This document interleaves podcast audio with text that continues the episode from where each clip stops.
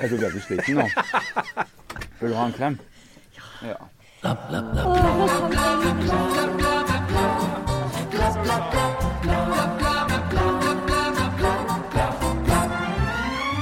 27 år etter drapet på Birgitte Tengs er en ny mann sikta for ugjerningen. 27 år er lenge. Hva gjør den ventetida med de involverte og med oss? Ellers, vi har en debatt om høykulturelle katter som bryter ut i sang og dans. Det er droner overalt, og Harald har begynt med en ny fritidsaktivitet. Unnskyld, fritidsaktivitet.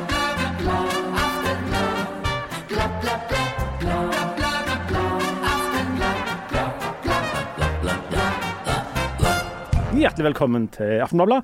Her har vi med eh, Jan Zahl, en uh, cool cat, en perser blant gatekatter. Og så har vi Janne Stigen Drangsholt, eh, kattekvinne og løpsmaskin. Og så har vi Harald Birkevold, redaktør for politikk og nagenstoff i Stavanger Aftenblad. Velkommen. Takk. Uh, på mandag så fikk Stavanger Aftenblad tilsendt et tips der flere turgåere i Sandnes hadde kommet over en laminert plakat som reklamerte for fellesturer i naturen i Sandnes. Ja. Og det spesielle med det, Jan, var at bekledningen var Nei, men Det som var veldig interessant, og som var altså Som var jeg vil si, innovativt. For dette, dette med sånn friluftsliv det er jo veldig i skuddet, på en måte. Ja. Iallfall blant liksom, de litt sånn middelklassen og, og oppover. sånt. Og så hadde, eh, ifølge den lappen, da, så hadde altså Sandnes Turlag gått i sammen med Sandnes Naturistforening for å lage et nytt konsept. Ja. Nemlig at en skulle gå eh, tur i naturen, men en skulle gjøre det uten klær. Altså Såkalt kast- in natura. in natura skulle en gå. Sant? Så in natura i naturen. Naturistforeningen i naturen i lag med Turlaget. Og da skulle en, og det sånn, Janne, du er jo kjent sånn, altså for da, En skulle starte ved, altså i Sandeparken, ved Kompa med C. Hvor er det hen?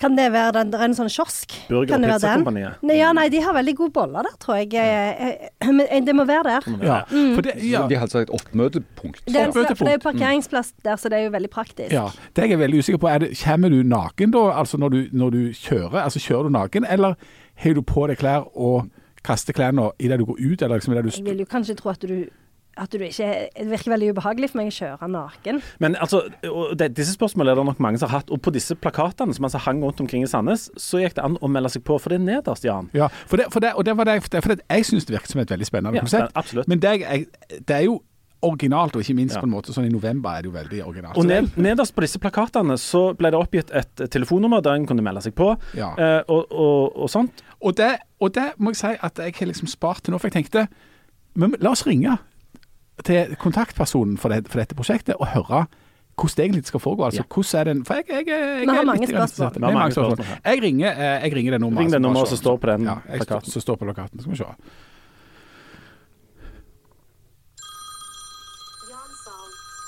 Hæ?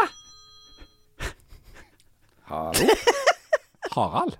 Jan? Er det, er det ditt nummer? Er det mitt nummer?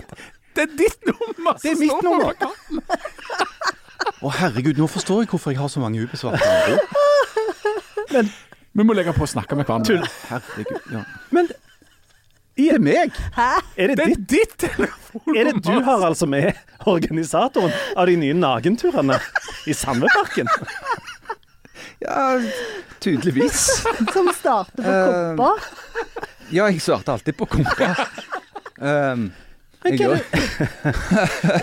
Her er det mange spørsmål. ja, det, jeg, jeg har òg spørsmål. Ja. Ja, for det, dette, altså Den lappen dukte faktisk opp, og det ble eh, tips til avisa, og avisa har faktisk lagd sak på Altså Stavanger Aftenblad har lagd sak på nakenturene i Sandnes Turdag, men telefonnummeret som står i bånn, er altså ditt. Det, ja, det medfører riktighet. Er, det, er du blitt no, du eller vi eller Stavanger eller Sandnes Turistforening blitt utsatt for en spøk? Ja, det, det kan virke sånn, for jeg, jeg har i hvert fall lyst til å understreke at jeg ikke eh, er i ferd med å organisere en nakenmarsj i eh, verken i Sandnes eller andre steder. Men Vent Du liker Ja. jo bare sånn fellesarrangement som er hva det er, revolusjon og fotballkamp. Kun de to, ja. Ja. Men hvis jeg eh, arrangerte nakenturer i Sandeparken og ikke ville at folk skulle vite det var meg, så hadde jeg sagt at det ikke var meg. ja. Hva- Er det det? Jeg liker ikke den veien denne samtalen tar. Men altså, saken er at, eh, at det, det er riktig Altså, det som faktisk skjedde, da, det var jo at eh, jeg satt på Jeg faktisk så på en fotballkamp eh, her i, på, på søndag, hvor min gode venn og kollega eh, Sten Halvor Djupskås plutselig ringte meg. Altså, det sto i displayet at han ringte meg. Så jeg tar telefonen, og så begynner han jo bare å le. Fordi han hadde jo bare slått det nummeret. Han, han tenkte jo at Så, så var, var det jeg som svarte, da. Så eh, Ja, nei, altså til, til den eller Men meldte han seg på, da? Ja, han ringte jo for å melde seg. På, påsto denne Djupskås at han var på jobb? Ja, han sa han var på jobb, men jeg, jeg skjønte jo hva, hva, hva det gikk i, ikke sant? For han var veldig sånn Ja vel, Ja. eh, er det her med Skal jeg være naken når jeg kommer, eller klemme av oss på oh, ja, for dere regner med at det er en slags orgie det er snakk om? Nei, Nei, nei, det er turer i skog og mark, eller i Sandeparken. Alle vet jo at turer i skog og mark er en eh, Og det var jo det gamle omskriving for noe helt annet. Det var det gamle kodeordet for at en var interessert i ganske mye snusk. Det var turer i skog og mark, sant? Ja, skog og mark, Ja. SNM. Ja, nemlig. Eh, Men så er det det, ja? Å, Ja. Oi, gamle kontaktannonser. Oi, Så Hvis du er liksom eh, eh, en initiativrik gutt 55, glad i turer i skog og mark, så ja. Men tilbake til Nagenturen, Harald. Hva skjedde videre her, da? Nei, det skjedde og skjedde. Det har ikke skjedd noe ennå, for det turen skal jo ikke være nå før på Sant, Men Den 27. ja, 27. Sånn at hvis noen av Ja. Ja. Å ja. Men, og det var en av de første tankene som meldte seg hos meg, fordi at som mann så hadde jeg jo Altså, det er jo kaldt i oktober.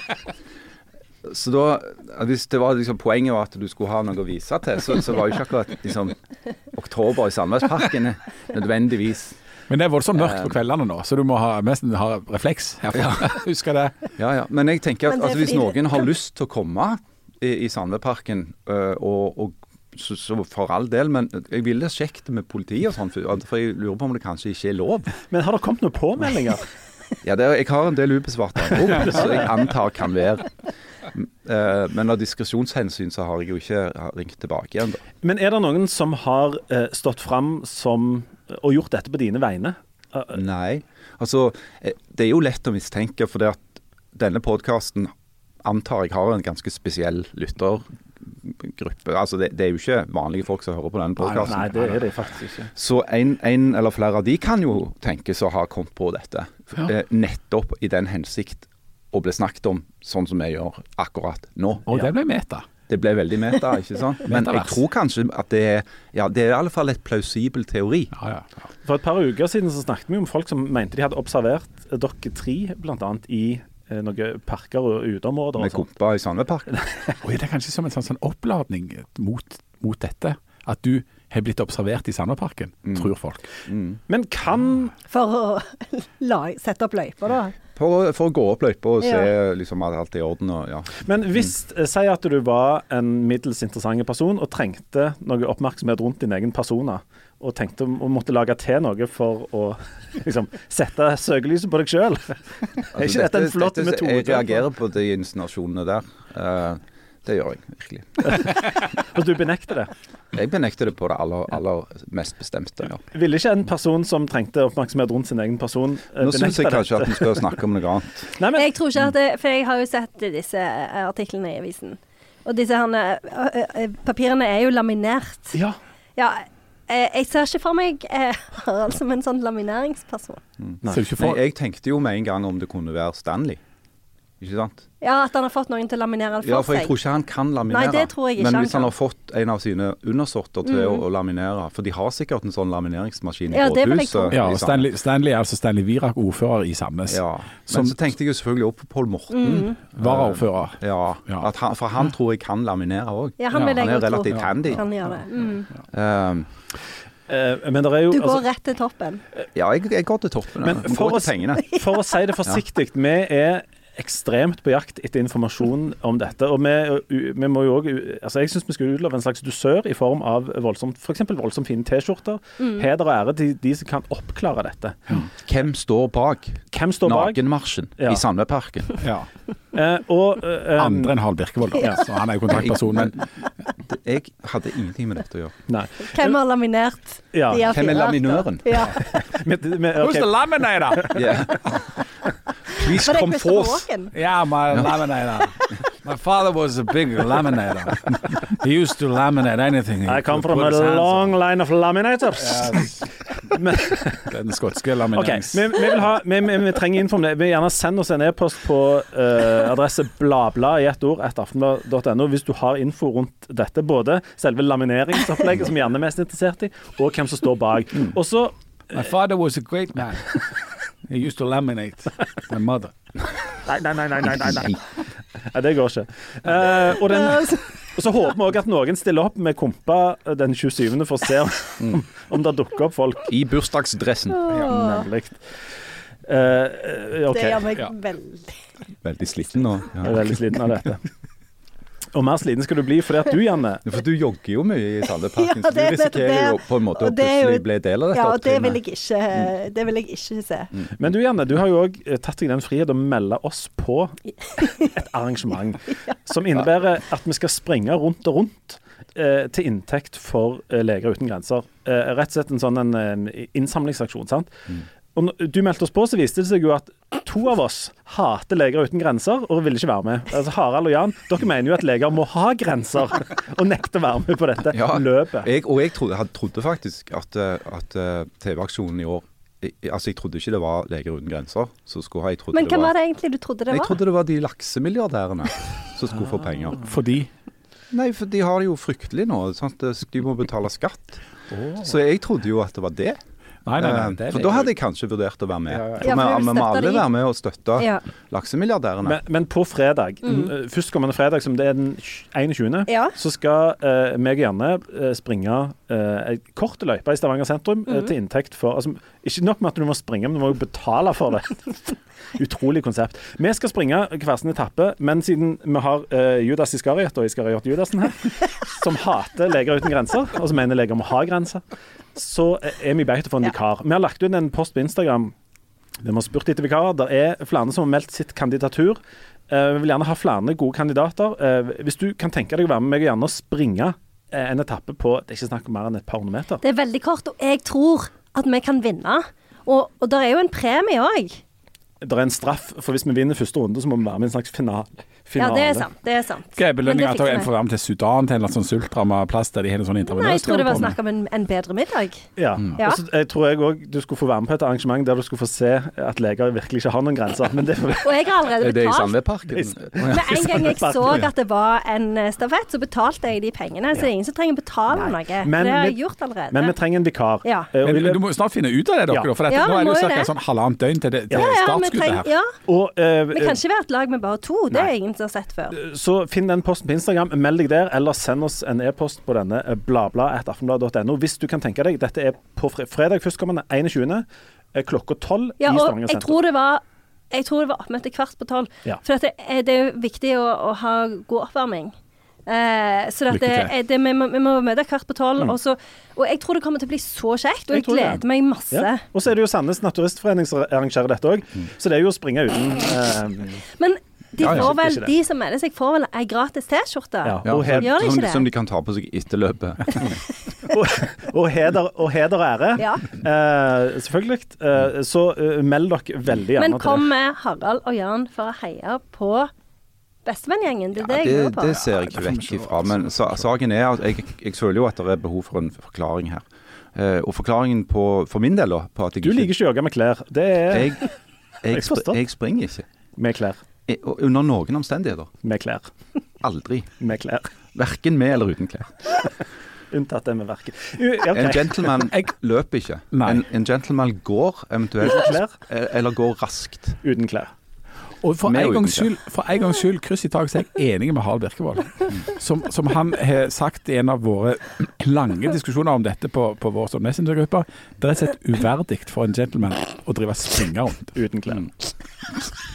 Med eller uten. Hold opp.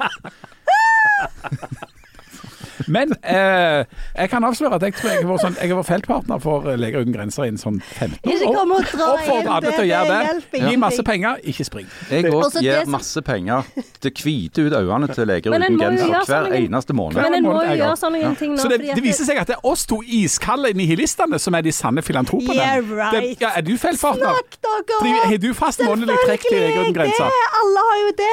Hun har jo ikke det. Hun Ja, bruker jo alle pengene på. Stavros. Å, Det er og Eller i sånne Det er i sånne.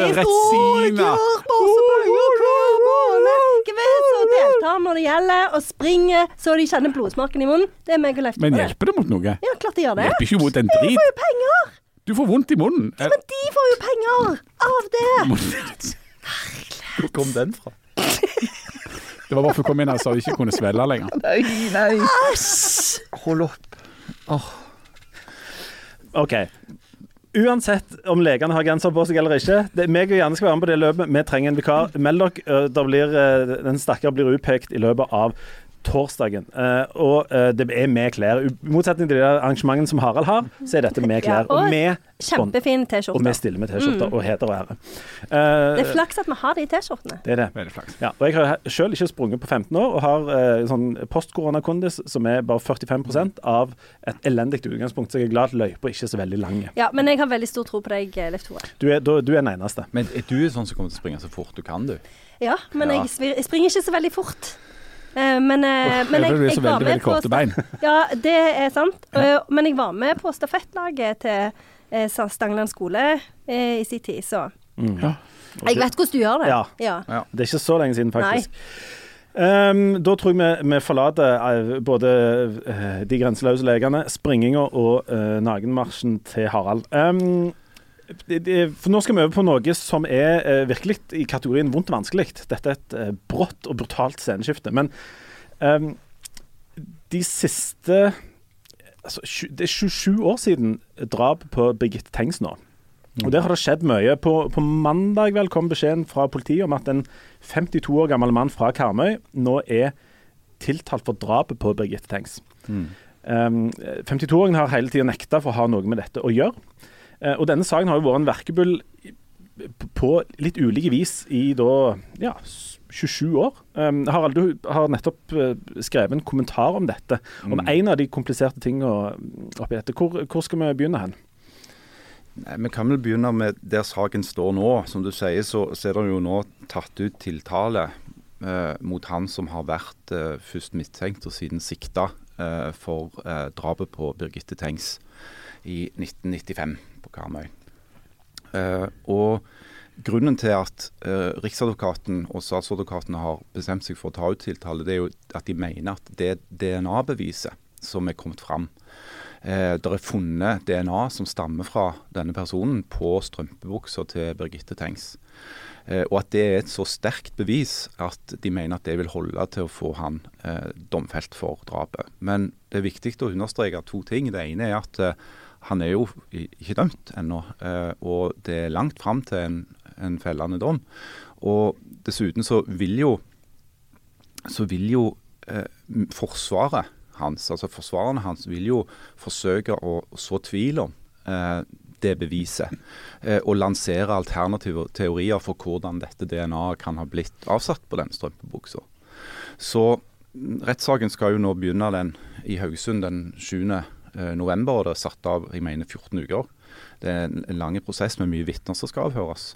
Og det er jo selvfølgelig òg veldig komplisert eh, vitneførsel, for det at vitner vil bli bedt om å forklare seg om ting som da kan ligge så langt tilbake i tid som 27 år.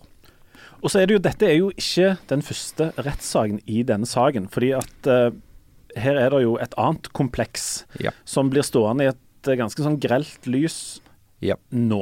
Som handler om uh, han som eh, beskrives som altså fetteren til Birgitte Tengs, som ble Nå må jeg holde tunga litt beint i munnen her, men han ble til slutt frikjent for dette. Han- ja. Men uh, ble dømt til å betale en erstatning i en sivilsak. Det Ja. er mye sånn teknisk juss inni her, men det er vel grovt sett. Ja, men det, det er riktig. det. er Altså, fetteren til Birgitte Tengs ble jo eh, relativt tidlig eh, en, det man kan kalle en hovedmistenkt i etterforskningen i den saken. Eh, etter hvert ble han da òg satt under tiltale eh, og dømt i eh, tingretten. Eh, Senere frikjent i lagmannsretten. Eh, men samtidig med den frikjennelsen i lagmannsretten, så ble han dømt til å betale de etterlatte til Birgitte Tengs eh, erstatning. Eh, og Grunnen til at det i det hele tatt går an, at du blir frikjent i en drapssak, eh, men må betale erstatning, det er jo at kravene til bevis i en erstatningssak er lavere enn i en straffesak. I en straffesak så skal det være bevist hinsides enhver rimelig tvil at du er skyldig.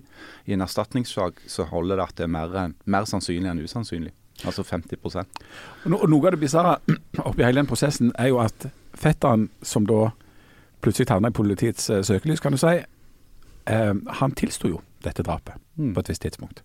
Og Det er jo noe av det som har blitt en stor diskusjon etterpå i den tida som har gått. at Hvordan i all verden kunne det ha seg at han tilsto noe han ikke hadde gjort, en tilståelse han senere trakk. Mm. Og Det har jo da kommet under veldig sterk kritikk. altså Det politiarbeidet som ble gjort der, både i etterforskningen, men ikke minst i avhøret. Altså, det var, det ble, det var en, en, en, en forhørsteknikk der som mange vel mener, eller de aller fleste nå mener, at på en måte manipulerte fram en slags tilståelse. Det handler om å hjelpe folk til å huske ja. ting. Som er, som er helt sånn surrealistisk når du hører at, at For han, han, han, ble bedt om å forestille seg at han gjorde det, og mane fram på en måte minnet som han ikke hadde, for det eh, en gikk ut ifra nærmest at han hadde fortrengt det, da, at han skulle tegne det sånn opp.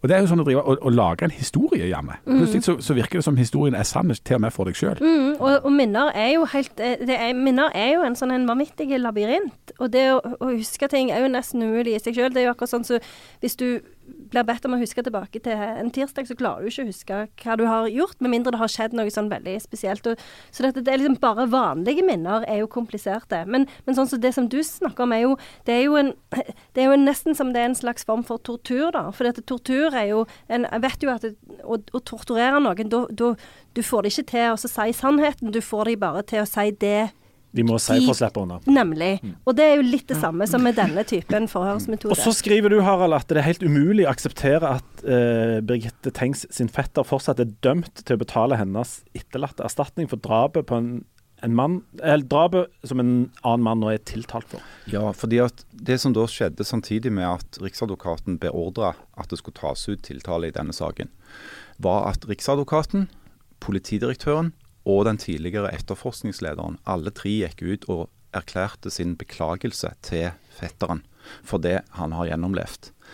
Eh, og da blir det, tror jeg, helt umulig for folk flest, eh, eller for samfunnet, om du har lyst til å være litt høytidelig, å forstå og akseptere at han fortsatt er dømt til å betale erstatning for det drapet. Så, så den eneste mulige konklusjonen her er jo at den dommen må oppheves og settes til side og kjennes ugyldige. Mm. Men hvorfor ikke, eh, hvorfor ikke det skjedd?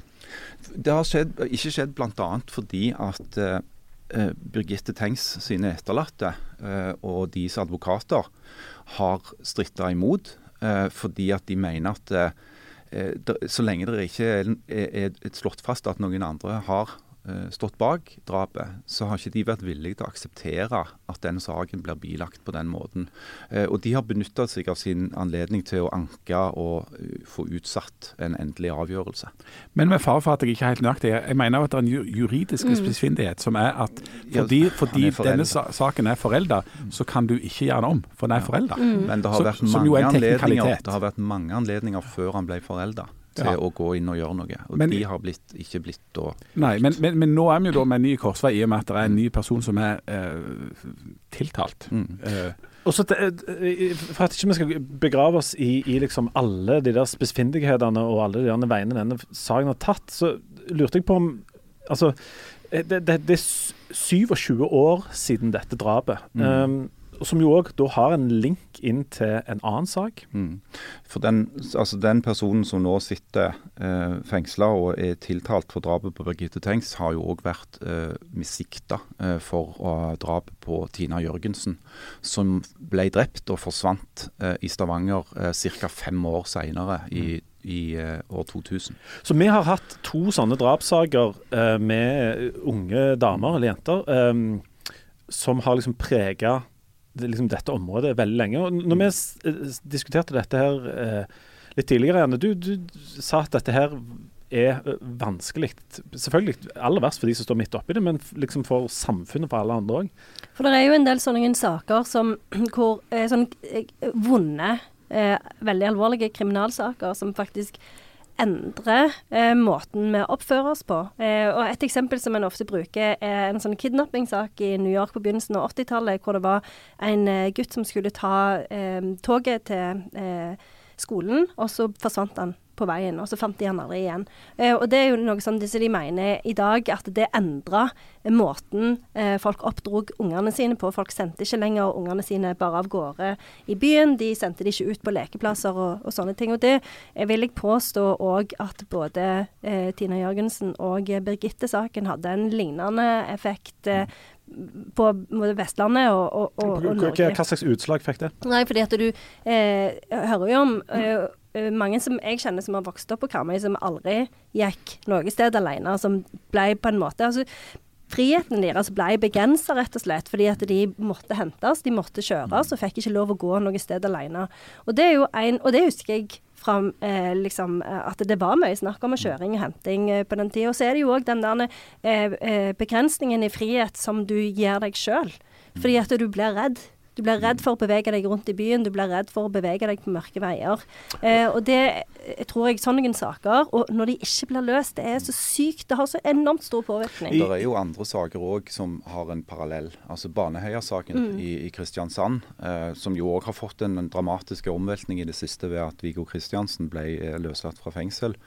Eh, du har drapet på Trude Espås mm. i, i uh, Geiranger. Um, som jo er fortsatt ikke er oppklart. Eh, drapet på eh, Therese-saken eh, i Fjell i Drammen, ikke oppklart. Eh, så du har jo noen sånne saker som har blitt veldig sånn traumatiske. For det, det, er jo klart at når, når små barn, unge kvinner eh, forsvinner og blir drept, så, så, er det jo noe som preger hele samfunnet. Fordi at alle tenker Tenk om dette hadde vært mm. mitt barn, eller Jeg husker jo at eh, det å, å gå fram og tilbake over bybrua ble en sånn greie. Mm etter Tina Jørgensen-saken, siden, siden, på en måte det var området for det. Mm. Um, Vi skal det, understreke Uh, ja. I og med at dette er en nyhetspodkast, at han som nå er tiltalt for drapet på Birgitte Tengs, ikke har blitt tiltalt for drapet på Tina Jørgensen. Mm. Det er Den saken er ikke avgjort. Og han har òg benekta Han nekter uh, enhver befatning med begge, begge, sakene. Men Jan, Men, eh, unnskyld. Ja, for jeg bare tenkte på det som Jan sa i stad med den med historiefortelling. For det er jo òg veldig tydelig i etterforskningen at det, en lager seg en historie, og det skjønner jeg jo at en må gjøre, men en lager seg et sånn et narrativ, og så holder en så veldig fast på det. For det er sånn som når du ser eh, om han her som er eh, tiltalt nå alt det som Altså, han hadde grønn bil, han var i området, han hadde eh, blitt advart mot som moduskandidat, alt det der. Men så har de lagd allerede en fortelling om dette unge mennesket som er fetteren til Birgitte Tengs. At det, når du har bestemt deg for den fortellingen, så eksisterer det akkurat. Akkurat som det ikke eksisterer noe annet. Og det tenker jeg òg på Adnan Saeed, eh, som jo nå har blitt eh, frikjent for å ha drept Heimin Lee i, eh, i USA. Der òg lagde de seg en fortelling. Der òg tyder det jo på at det, det, var en annen som hadde kommet med drapstrusler mot henne, som kjente området hvor de fant kroppen hennes, og som hadde en grunn til å begå drapet. Men det ser de vekk fra, for de har allerede lagd seg en fortelling. Og Grunnen til at du nevner den saken, er jo at det, det ble jo den podkasten som heter Serial, som er en av de største podkastsuksessene i verden. Som jo vel ble gjennombruddet for den moderne podkasten. Og, og, det store temaet i den podkastserien er jo det som da vil bli et tema på Karmøy framover, nemlig minne. Altså, hva ja. husker du? Det er noe av det aller mest fascinerende og interessante med den, med den eh, podkasten. Det er hva husker du fra en tirsdag for 25 år siden, mm. som, virke, som, var vanlige. Mm. Og som Harald nevner, kommer jo til å bli en kjempeutfordring i den saken som går nå. fordi at eh, Jeg husker jo ikke hva vi snakket om for et kvarter siden, og, og, her er det folk som skal prøve å huske 27 år tilbake igjen. Eh, mm. gjerne òg minner som er blitt behandla gjennom mange runder, som kan mm. ha blitt påvirka mye rart. Så der, eh, der, er det jo helt åpenbart en utfordring. Men ja, altså, jeg, jeg snakker, har snakket med flere erfarne forsvarsadvokater eh, om akkurat det med minner. Eh, og òg helt konkret i forbindelse med saken nå om, om Birgitte Tengs. Eh, fordi at jeg skal til, til Haugesund sjøl og, og, kommentere fra retten i noen dager. Og det er veldig interessant. fordi at eh, mange som har lang erfaring som, er, som forsvarere i alvorlige straffesaker, er opptatt av å si at når folk sier at de ikke husker, så er ikke det nødvendigvis at de lyver for å ikke, altså for å ikke kriminere seg selv. Det kan faktisk være at du ikke husker. Det, altså Vi er fullt i stand til å fortrenge mm. ting. Eh, hvis det er for komplisert, for svært for oss, så kan vi faktisk innbille oss eller hjernen vår kan på en måte innbille oss at dette har ikke skjedd. Dette har jeg ingenting med å gjøre. Bryllup, f.eks. Bryllupsdager. Egne bryllup. Ja, sånne ting. Nakenmarsjer. Altså, men, men, det er faktisk et interessant fenomen. Fordi at eh, mange vil jo si du sitter tiltalt for en alvorlig forbrytelse, og når du får spørsmål, nærgående spørsmål, så sier du bare 'jeg husker ikke'. Og minnet Det er, kan faktisk være sant. ja, minnet er veldig svikefullt, for du skulle tro at du husker, det du husker da er sånne helt spektakulære ting. Eh, en uh, annen podkast jeg har hørt mye på, er Malcolm Gladwell sin 'Revisionist History', som hadde en episode som handla om minne. Og, og det, der refererte han bl.a. til et sånn forskningsprosjekt der um, noen som jobbet med dette, fikk folk rett etter 9-11, altså rett etter terrorangrepet eh, mot New York, til å skrive ned hva de hadde gjort for noe den dagen. Og Det gjorde de en dag og to etter at det hadde skjedd, altså når det var så tett på som det var ute å komme. Så henta de fram dette ti år seinere. Og spurte de hvordan, ba de da beskrive den dagen. Og så eh, beskrev flere av de en helt annen type dag enn det de hadde beskrevet dagen før. Og til og med når de ble forelagt det de sjøl hadde skrevet en dag og to etterpå, så nekta de for at det var sant, for det var ikke sånn de husket det. Mm. Ja, Sånn at minnet endrer seg hele tida. det gjør så, så er det jo sånn som du sier, Harald, for det er jo sånn som med traume. Altså, et traume er jo et slags minne, men det er jo et minne som har satt seg i kroppen istedenfor i bevisstheten. Sånn at det, du får jo Det er jo tilbake. altså Det blir jo en loop, på en måte, som på en måte igangsettes ved hjelp av lyder, lukter eller andre typer sanseinntrykk. Men ikke fordi at du husker det, men fordi at du gjennomlever det på et eller annet annet og hvis folk vil ha nye minner og traumer og nye uh, lukter og sanseinntrykk, så er jo den nagenmarsjen til Harald en, en måte der folk kan eksperimentere litt med nettopp dette og få nye inntrykk. Og så kan, kan de se hvordan de vil beskrive det f.eks. rett etterpå, og om de overlever de neste dagene etter veldig sterke inntrykk. Det var en ting jeg tenkte på, Harald. Du sa jo at hvis du er mann, så arrangerer du gjerne ikke nakenmarsj i oktober, for det kan framstå som litt lite imponerende. Med mindre du har et veldig godt utgangspunkt, og at folk vil bli sånn imponert på Kanskje vi ikke skal snakke mer om den nakenmarsjen nå, ser jeg. Jeg tror kanskje vi bør ta Jeg lurer på om vi skal ha en liten pause. Jeg foreslår en pause. Ja. Kanskje en liten pause. Harald skal bare ta på seg noen klær, så tar vi, er vi tilbake igjen om litt. Snakkes.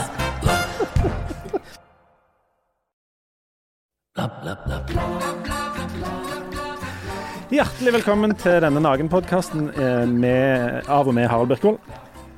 Eh, Jan Sahl, eh, Jan Stigen Drangsholt og eh, meg sjøl. Nå ble jeg veldig stiv i nakken. Ikke si du skal ikke. No pun intended. Ja, um, for eh, at vi skal prøve å komme oss videre Harald vil Ja. egentlig bore mer i dette nagenmarsj, men nå har vi andre sagt nei. Vi vil ikke ha mer enn det.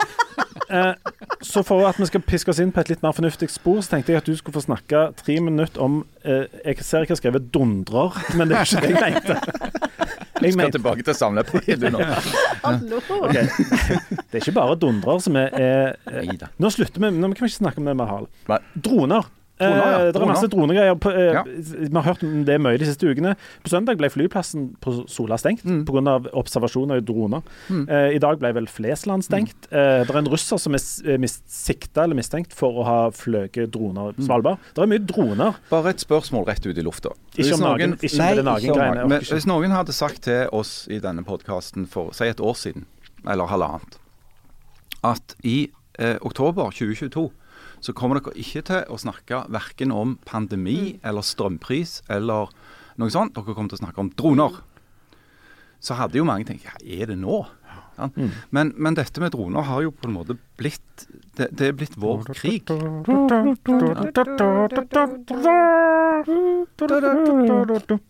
Det var veldig slapp. Det var den dårligste jinglen jeg har jingle. Det var litt sånn Men du begynte midt uti. Men jeg, jeg, jeg føler liksom at jeg har lyst til å høre disse tre eh, Ja. minuttene, så jeg, jeg uh, syns ikke det var så kjedelig. Og Nei. da var jeg ikke skikkelig Nei, inspirert. ok. eh, Jeg synes dette, kan, dette kan jeg òg høre på. Vær så god. Ja.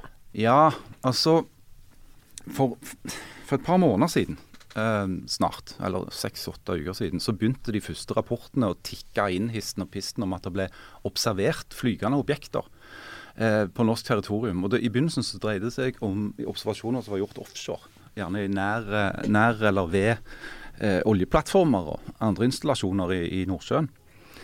Eh, og siden så har det dukket opp flere og flere sånne observasjoner eh, på land. Eh, gjerne nær olje- og gassanlegg på land, eller annen type det de kaller infrastruktur på fint. Altså det, infrastruktur er liksom strømledninger, veier, jernbane, fiberkabler. Eh, det er ting som binder et moderne samfunn sammen. Det er infrastruktur.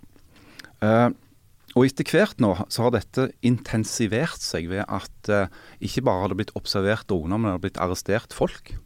For snart to uker siden så ble en russisk person anholdt på grensa Storskog, altså grensa mellom Norge og Russland, oppe i Finnmark. Eh, I bilen sin så hadde han eh, en avansert, ganske avanserte droner og veldig mye opptak. Eh, stort sett av norsk natur. Men det som var litt, Og han framstilte seg jo som en naturfot, veldig naturinteressert. Naturinteressert, eh, sa han det var bare det var, skog og fjell. Den grensa under vann? Ja, gikk noen grenser. Og, greia var at Pussig nok så hadde denne naturfotografen da tre pass. Eh, to russiske og ett israelsk. Jeg vet ikke hvor det er vanlig det er blant Det er- det er det er veldig vanlig, ja. Ok. Ingenting å se her. Eh, I dag senest så ble to russiske statsborgere pågrepet og satt i arresten på Svalbard. Det viser seg at den ene av de to, en 47 år gammel mann, er sønn til en nær alliert av president Vladimir Putin i Russland. Det er òg vanlig. Veldig vanlig. Eh, en annen eh, kar ble tatt i politiets forvaring oppe i Hordaland, Vestland fylke, i går. Pga. filming eh, nær eh, infrastruktur av strategisk betydning. Så når du legger alt dette sammen, så, så får du et inntrykk av at det er en masse russere i Norge akkurat nå og driver og filmer ting. Uh, men vi er ikke helt sikre på hva de eh, vil. Hva denne filmingen innebærer. Uh, altså I forrige uke så ble det jo en svær politiaksjon på Kårstø. Eh, det er jo Europas største gassbehandlingsanlegg. Ligger nokså nær Stavanger.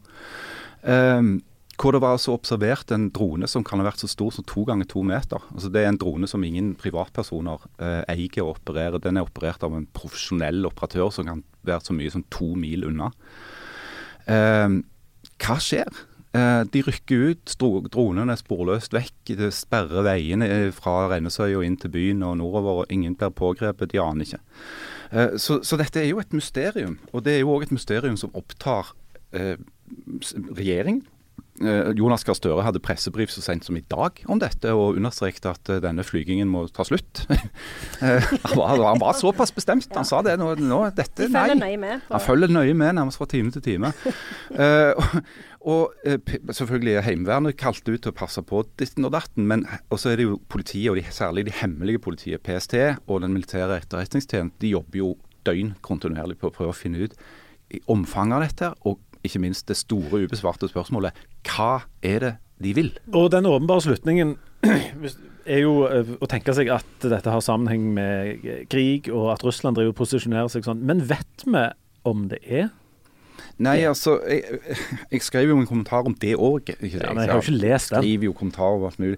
Men som jeg, jeg så veldig fornøyd med tittelen. 'Game of Drones'. Ja, den leste jeg, men jeg kan ikke lese innholdet. Ja, jeg var litt Men hva var innholdet? Kan du forklare det veldig fort? Ja, altså, det er jo da spørsmålet hva, hva Det er det som er kjernen her. Hva er greia? Er dette et psykologisk spill eh, iscenesatt fra Kreml for å spre frykt og uro? Eh, kan det settes i sammenheng med eksplosjonen i gassrørledningen i Østersjøen? Eh, er dette del av en sånn det du kan kalle en form for sånn destabiliseringskampanje? eh, som skal, skal føre til at europeiske allierte begynner å skule på hverandre og blir urolige og blir redde for eh, Vinteren står for døra. Eh, anslag mot kraftforsyningen nå, f.eks. Når, når den russiske gassen er vekke fra markedet. Hvis det skulle blitt et anslag mot norsk gasseksport til Europa nå, så ville jo strømprisene gått fullstendig bananas. Eh, og mange europeiske hjem hadde blitt kalde i vinter. Mange europeiske store industribedrifter ville måttet stenge. Eh, det ville vært en ekstremt alvorlig situasjon. Eh, og Derfor så er jo altså bekymringen så stor òg hos regjeringen, hos Nasjonal sikkerhetsmyndighet, hos politiet.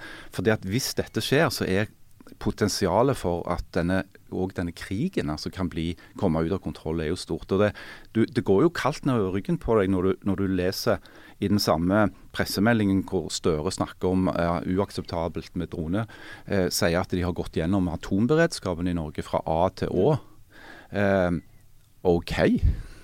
Men samtidig så kan jeg ikke altså, for jeg, Det er et godt spørsmål. Hva er det de vil for noe? Ja. Ehm, det er jo sånn at hvis, hvis, liksom, hvis, dette var, hvis, dette er russerne, og at Russland på en måte skulle gå til angrep på Kårstø altså Det klarer jeg ikke helt å se for meg eh, hvordan det skulle eh, spille ut, eller på norske flyplasser. For da bryter de, eller da utløser de paragraf 5 i Nato-pakten, som fører til at de får hele Nato mot seg. Mm. Og hvis, hvis det finnes en smule mer rasjonell logikk igjen i hodet til Vladimir Putin, så vil han jo ikke ha krig med Nato, for der har de ikke sjans. Men Det Putin har gjort noen ganger, er jo å eh, utføre sånne operasjoner eh, med en form for skalkeskjul. Altså at det ser ut som det er gjort av noen andre. Spionering?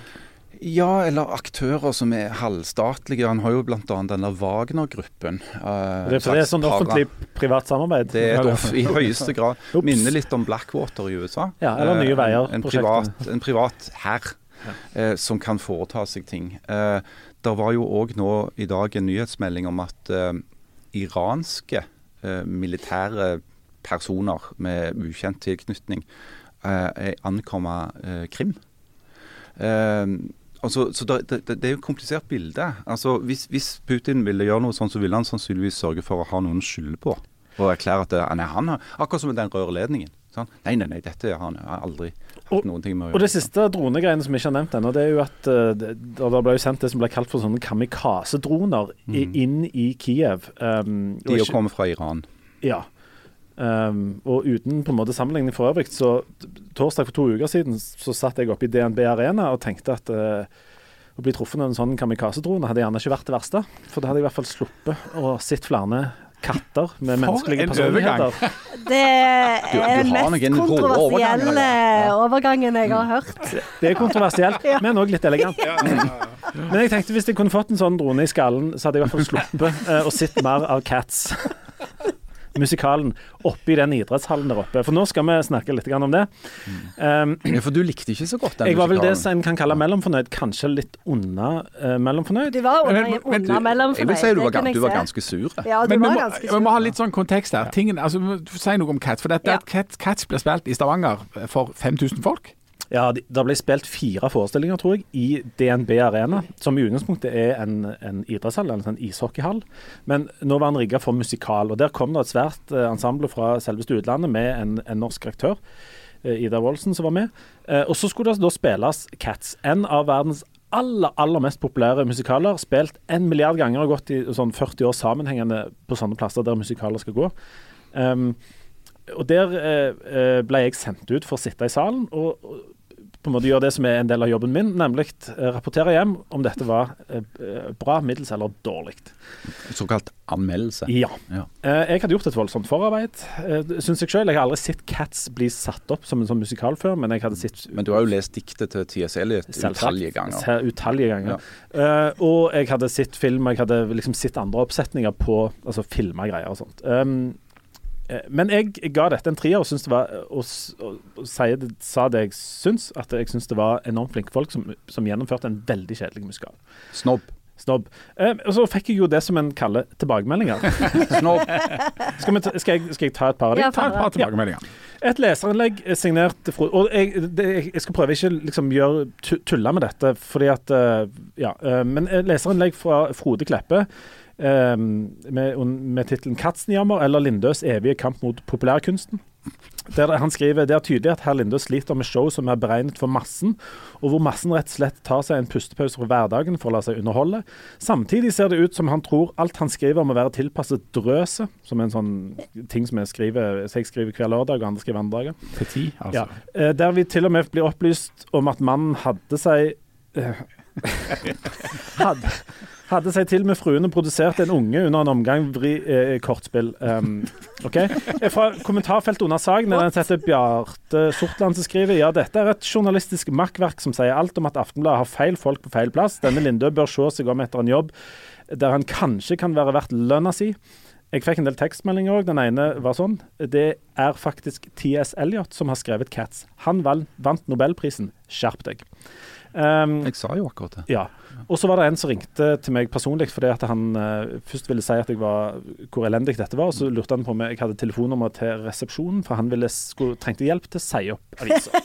mm. Ja, så det var flere som sa opp avisen pga. Altså, som redaktør i denne avisa så kan jo jeg bekrefte at det er mange som har tenkt lignende tanker.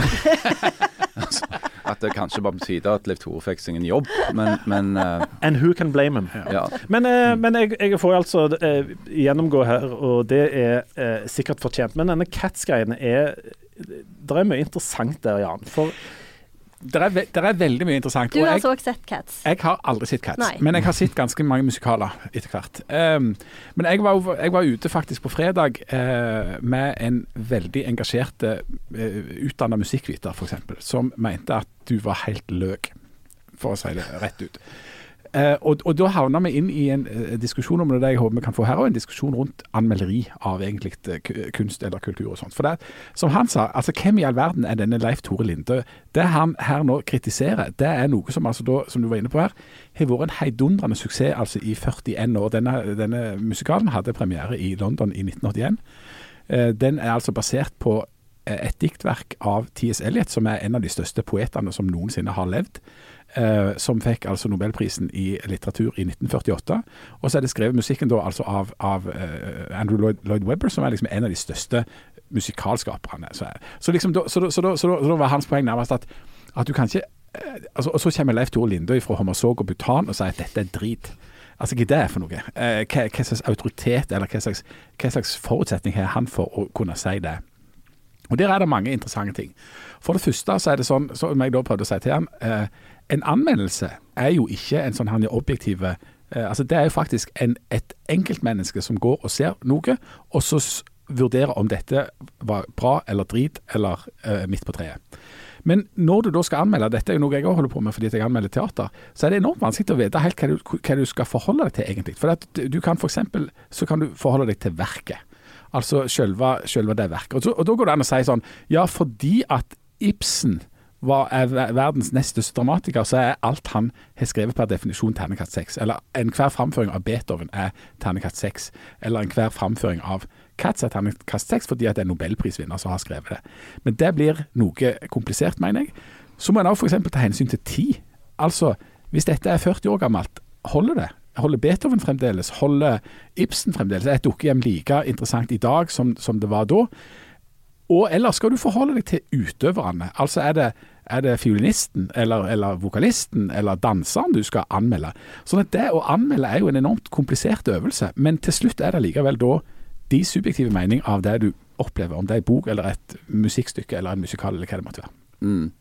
Jeg kom til å tenke på Så vidt jeg vet, så har far min, eh, som nå er 83 år, han har skrevet ett leserbrev i Aftenbladet i sitt liv. Eh, og det leserbrevet hadde tittelen 'Spar oss for Bebo'. For det at Aftenbladet hadde den gangen, jeg tror i hvert fall det var Aftenbladet, en filmanmelder som heter tror Berge Borrevik, som, var, som kalte seg Bebo da. Berge Borrevik han hata cowboyfilmer. Det verste han visste. Det var alltid han de sendte for å anmelde cowboyfilmer. Så alle cowboyfilmer som gikk på, på Filmteatret eller på Folken, de fikk jo slakt av Bebo. Så det var drittlei av dette her. Hvorfor kan de ikke sende en som liker cowboyfilmer for å anmelde cowboyfilmer, skrev far min og hans kompiser. Nå må vi slutte med dette.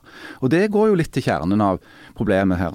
Du, hvis, du, hvis du sender av gårde en anmelder, så Jeg kjenner jo mest til anmelder eh, man er mat, da.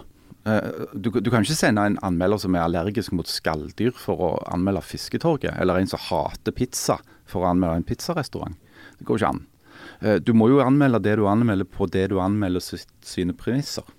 Ja, for, ja, for var det sånn at du likte ikke Cats før du gikk der og, og visste det, eller, eller liker du ikke musikalsjangeren, eller hva er, det, hva, er det, her, hva er det du liker og ikke liker? Ja, for dette, dette blir så sinnssykt vanskelig når vi begynner å snakke om det. Jeg har jo aldri sett en musikaloppsetning med Cats live, altså som en musikal. Jeg hadde sett film, jeg har hørt masse på musikken. Jeg har lest masse sånt for å liksom få den bakgrunnen jeg, jeg kan. Og så vil jo noen si da at ja, men herlighet, skal du gå Du har jo aldri sett Cats før. Da kan du ikke gå og anmelde Cats. Så der er det et problem. Um, jeg, eh, musikal er ikke min um, ikke den sjangeren som jeg sjøl liker best sånn i utgangspunktet, men jeg har gitt my veldig mye gode kritikker av musikaler, fordi at jeg, jeg mener at de kan være veldig gode. Ja, for Det er jo fordi du anerkjenner det profesjonelt gode ved det. Ja, Det er kanskje ikke min sanger, men dette er veldig fint gjort. og Ja. lagt, og, ja. eh, og i tillegg da, så er det jo det som eh, veldig, en, en del som, som på en måte kritiserer f.eks. det som jeg har gjort, uten å ha vært til stede der, vil jo kritisere det Vil jo si at jeg har tatt feil fordi at dette er en god musikal. Per, altså det er god musikk, altså alt det der greiene der. Men de har ikke vært der og eh, Jeg har jo opplevd dette i en idrettshall. Fra sittende på bakerste benk, der det var elendige sikt, elendige sånn storskjermproduksjon, eh, middels lyd og masse sånne ting òg som spiller inn da. Og da kan jo TS Elliot være så genial han bare vil som sånn bakgrunn for dette, men det vil ikke funke der og da. Så det er en million problemer med dette. Men vi har jo faktisk en utøvende kunstner i vår midte, så å si her. Altså, Ja, men, altså, eh, men du trenger ikke ta, trekke meg fram alltid. Å nei, det men, ikke altså, altså, Janne, du har jo fortalt gripende om hvordan det er å få dårlig kritikk. Ja, men eh, kan jeg En gang du grein, for Ja, ja. på, på veien mellom Kristiansand og Jeg Stavanger. gjorde det. Mm. Men, eh, men kan jeg bare si noe annet først? For, for det første så eh, er jo ikke de der kattediktene til T.S. Eliot eh, det han fikk Nobelprisen for. Altså, det er jo dikt som er beregna for barn. Eh, så eh, heller begynne å lese med for Quar- Quartets og se på de. Men, eh, men jeg, også tenker jeg òg Det som er interessant med anmelderiet, hvis en ser på litteraturanmelderiet f.eks., så er jo det en sjanger som oppsto samtidig med at romanen oppsto. Fordi at eh, når folk begynte å lese romaner, så var det kvinner. Det var kvinner som leste romaner. Og da ble jo folk dritnervøse, for kvinner er jo så dumme at hvis du skal liksom eh, ha, Hvis de leser romaner i tillegg, så blir de jo sannsynligvis enda dummere. Så en var jo redd for at hele sivilisasjonen skulle liksom bare gå i oppløsning pga. disse her romanene som kvinnene leste. Og så Derfor så oppretta han anmelderiet. For det skulle være en slags sånn smaksdommer da, for å vise folk hva de burde lese, og hva de burde holde seg unna. Eh, og da er det jo sånn at eh, allerede så ser en jo at det med anmelderi er knytta opp mot en slags høykultur, da. At det kommer ut fra en sånn en høykulturell borg, hvor en skal liksom eh, på en måte lede folk på den rette stien. Men så er det jo òg sånn at det, og det har vi jo snakket om denne, i, denne podkasten om før, at det, eh, forskjellene mellom høykultur og lavkultur er jo blitt veldig utviska, og det ser en jo bare ved at T.S. Eliot sine tekster, selv om de er fra barn, er brukt i en musical. Det er jo den verste sammensmeltningen jeg kan tenke meg. Fordi en, en del av, Noe av den kjeften som jeg har fått her, eh, handler jo eh, var, Jeg har jo blitt eh, anklaget for å hate sånn massekultur. Sist gang jeg ble beskyldt for å hate noe, tror jeg, eh, i, på print, var i den perioden der jeg skrev veldig mye om mods. Fordi at da, hat, altså, da var det bare sånn, sånn massekultur vi skrev om. Vi var ikke interessert sånn skikkelig god kultur. Så det er jo òg en sånn ting som vi aldri kan vinne. da, sant? Fordi at enten så eh, elsker du det ene, og da hater du det andre, eller så er det motsatt. Cats er jo òg en veldig sånn besynderlig eksempel på at disse to tingene møtes i et sånt jammerdal med masse sånne løkrullkatter som skal presentere seg og yrkene sine og hva slags personligheter de har. For der er det jo T.S. T.S. Eliot på den ene sida, og så er det musikalformatet Andrew, Andrew Lloyd Webber og sånn idrettshallaktige ting på den andre sida.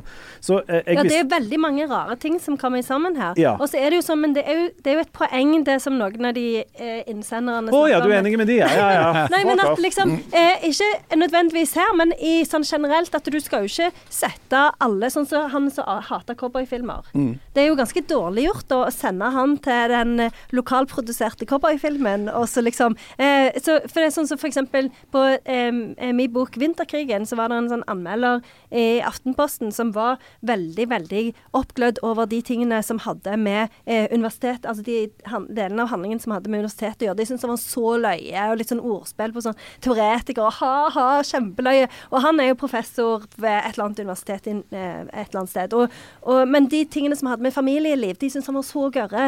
Det burde jeg liksom spart meg. Og så ser du jo at ja, men han har jo en veldig subjektiv innstilling til Så vi- vi ble- akademiet versus familieliv. For Vi ble en gang spurt om eh, Eller noen som sa til oss i Aftenbladet at vi burde, burde ha flere folk som hadde spesialisert seg på lokal barnefilm, f.eks.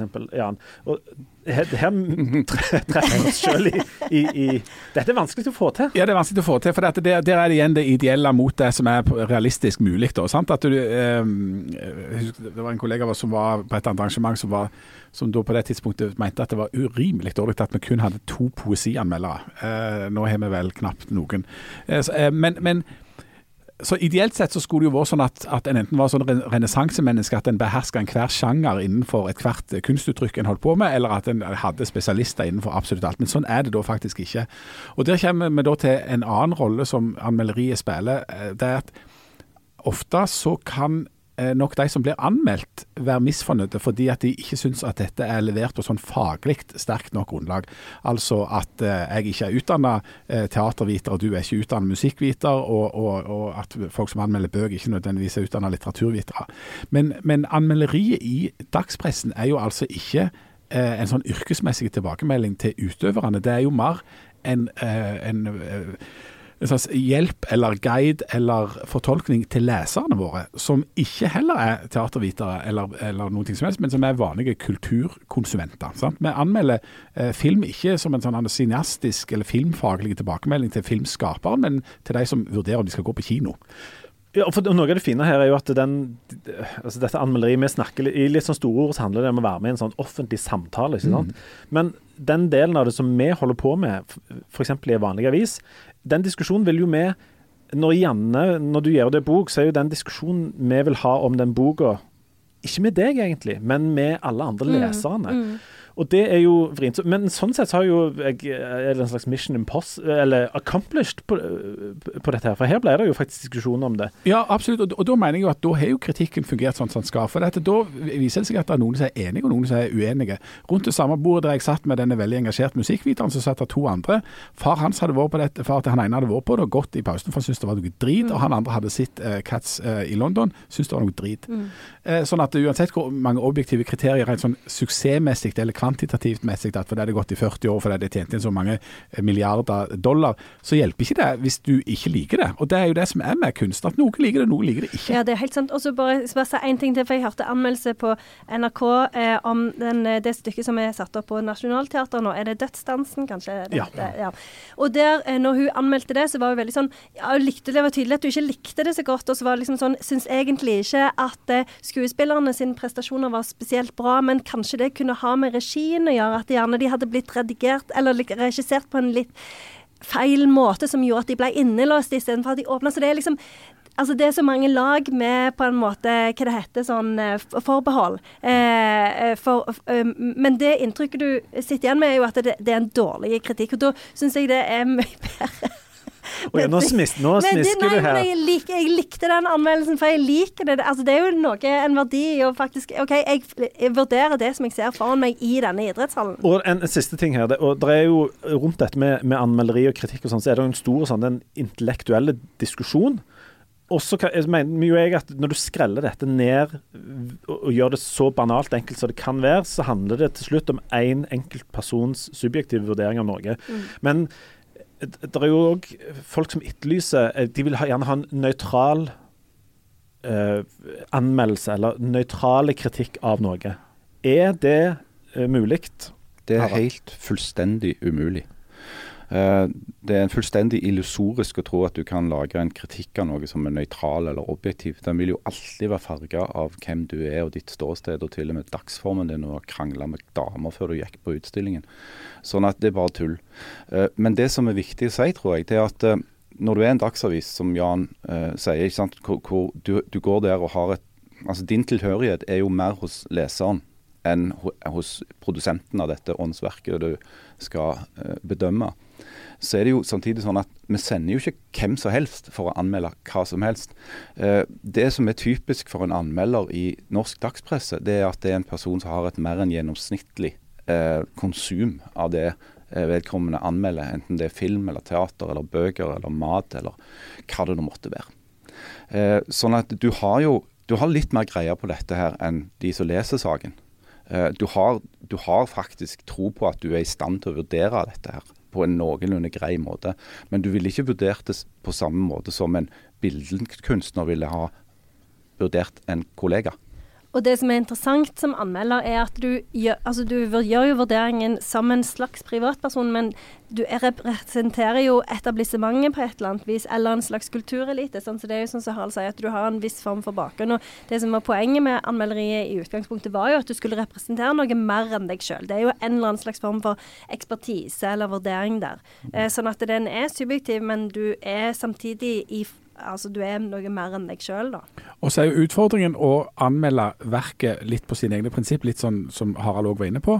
Og eh, kunne forholde seg til flere sjangre. Mm. Eh, sånn at eh, Der gikk du på en musikal. Du skal jo gå og anmelde f.eks. en revy. Eh, der, må du, der må du anmelde på revyens premiss, altså fungerer dette som Absolutt, revy. det er kjempeviktig. Eh, hvis du går og ser en tragedie av, av Shakespeare, så må du forholde deg til det som det er. Og Noe av det verste jeg vet, er sånne som anmelder ting, om det er liksom plate eller bøker, og skulle ønske seg en annen plate eller en annen bok. Eh, Ja, det er annet faktisk stykke. det verste Det er det verste som finnes. Mm. Det er Hvis du, går, hvis du går ut og anmelder mat, som jeg gjør av og til, så skal du selvfølgelig kunne gi terningkast seks til en burgerkjøper, hvis den burgeren er eksepsjonelt bra. Eh, og i og med at terningkast seks er det beste det går an å få, så vil den burgersjappa få det samme som f.eks. Renå. Eh, det betyr jo ikke at det er to like gode restauranter. For Alternativet er jo, er jo, blir jo litt som å stille opp fullt påkledd på nakenmarsjen og så peke på de andre sine kropper og så le av det. Mm. Det er ikke meningen å dra den nakenmarsjen inn igjen her nå, men jeg Nei, Burde jeg å ha noen lover og regler i den nakenmarsjen? Nei, jeg har bare tenkt å la det flyte. Om du har tenkt å gjøre det til en vane å ikke ha på deg klær når vi spiller denne podkasten, Harald, eller Nei, er det bare for i dag? Jeg gjorde det i dag for å se hvordan det, hvordan det, om det Ja. ble en egen ambiance. Ja, for hvis, Eh, vi, og det gjorde det jo. hvis du har tenkt å gjøre det, så ser jeg jo at vi skal skru opp temperaturen i Sånn. rommet bitte lite grann. Ja, jeg ser Ja. Um, unnskyld. ja du måtte komme inn til Nei, det. jeg tror, vi skal, jeg tror vi skal avslutte verdig. Og vi har jo eh, funnet en måte, tror jeg, å avslutte verdig på. Ja, men kan jeg bare si først? Ja. For det er ingen som har spurt meg om dette. Ja, okay. Eh, har jeg vært i Hellas? Ja. ja. Traff jeg Stavros? Ja. Og skal jeg si hva som skjedde i år som aldri har skjedd før? Fortell det. Han kjente meg igjen. Nei! Jo, Nei. han gjorde det. Og han ga meg et handshake. Nei. Det var som Nei. å få sånn Paul Hollywood-handshake. Og så skal jeg si hva han sa, og da begynte jeg nesten Da måtte jeg snu meg vekk, for da fikk jeg tårer i øynene. Han sa Where is the other one? Det var altså din mann? Nei, mitt tredje barn. The, For hun var ikke det. Mm. Ah. Oh, han hadde Han anerkjente at jeg hadde barn. Altså, han anerkjente deg som et menneske, Ja, faktisk, som, en, en, som en annen person. Det var ikke på sånn creepy måte. Bare Nei. your oldest daughter? Nei, nei, absolutt ikke. Stavros er jo fullstendig uinteressert i eh, alt som fins. Mm. Så han er jo bare interessert i de to hundene sine. Var det fint vær? Jeg så at det Det var nydelig vær. bøtta ned Det var ekstremvær på Kreta. Ja, det får de bare holde på med. Mm. Men eh, også når vi dro, så fikk vi ikke Klarte ikke å få til den der som åpner bommen. Så da måtte Stavros trykke på en hemmelig knapp i et tre, så nå vet vi hva den er. Og så sa han 'See you next year', sa han. Er det sant? Har du bilder av Stavros nå? Jeg tok et, eh, et sånn et hemmelig bilde. Kan, Det må kan vi legge det ut på Insta? Det må vi legge det ut. Jeg har lyst til å se Stavros.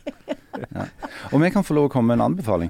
Ikke, det der Nei, det er, det er- En plass må vi liksom Det er ikke det. Uh, men uh, ta oss og se den nye sesongen av UXA av Thomas Seltzer. Ja. Eh, det er veldig, veldig, veldig bra journalistikk. Da skal vi gjøre det. Og så er Gå altså på NRK. Datoen 27. oktober, Sandparken Ja, men med eh, kan vi ikke glemme stafetten? Oh, ja, det var Du, du, er, du er veldig ufokusert på stafetten. Skal du ikke gjenta det? Jo, eh, hvis dere vil være med oss, eh, meg gjerne springe stafett. Ikke nagenstafetten, men det ble så mange stafetter. Liksom. Ja, men dette er jo den Ja, Herregud, dere egentlige har snakket altfor mye om den. Jeg tror ikke Haraldsen er ikke noen stafett. Fredag eh, 12.00 i Stavanger sentrum. Hvis du har lyst til å være med og springe en etappe på et par hundre meter sammen med meg, gjerne send oss en e-post på bladblad.aftenbladet.no, eller eh, finn oss på Instagram og gi oss beskjed der. Ja, og Nå, du får beholde T-skjorta. absolutt. Ja. Og æren. Ja. Nå eh, skal vi avslutte, og den æren skal eh, rett og slett eh, emissæren fra Vigrest få. Eh, fordi det som har skjedd med emissæren fra Vigrest i, det siste, er at han har fordypa seg i verdenslitteratur. Han har blitt med i en sånn en litterær bokklubb, Ja. kanskje det? Jeg har hørt rykte om at han, at han fikk i oppdrag for noen uker siden at han, måtte, at, at han skulle lese utdrag av den modernistiske litteratur. Ja. Var det bare modernistisk, eller var det klassisk litteratur Ja, klassisk modernistisk. Eh, etter, etter det jeg har hørt, så, så valgte han seg en, en klassiker. Eh, jeg vet ikke, skal, jeg vet ikke om han vil si Jeg tror ikke han sier hvorfor det er, bare begynn å lese, så kan, så kan folk gjette hva dette var for noe. Jeg tror vi kjører, kjører det opptaket av emissæren fra Vigrest, så leser verdenslitteratur. Eh, og så snakkes vi neste uke. Ha det. Ha det. Ha det. En eller annen må ha ført falskt vitnesbyrd mot Josef K. For en morgen ble han arrestert uten å ha gjort noe galt. Han leide et værelse hos fru Grubakk, og jenta henne hun kom inn hver dag litt før åtte til han med frokosten, men den dagen så kom hun ikke. Det var aldri skjedd før. K venta en stund før han ringte fra senga, og kunne han se den gamle dama som bodde like ved gata. Hun hadde holdt øye med han men nyfikenhet som ellers ikke var hennes vane. Han ble urolig, og samtidig så merket han at han var sulten. Like etter han hadde ringt, så banket det på døra, og inn kom der en mann han ikke kjente. Den fremmede var slank med en kraftig bygd, og han bar en velsittende mørk drakt som lignet på en sportsdress. Den var forsynt med en mengde med rynker og lommer og spenne og knapper og et belte, og virket voldelig praktisk uten at det riktig gjorde seg rede for hva alle disse tingene skulle brukes til. Hvem er det, spurte K, og reiste seg opp i senga. en mannen han overhørte spørsmålet og lot så det ikke var et nat naturlig ring at han var kommet inn. Han svarte ikke, men bare sa du ringte. Ja, nei, vent på frokosten, sa K. Så lette han i hukommelsen for å bringe på det rene hvem denne mannen var. Men den fremmede lot han ikke få altfor god tid til dette. Han bare snudde seg mot døra og åpna den på klem, og så sa han til en som åpenbart sto like utenfor. Han venter på frokosten sin.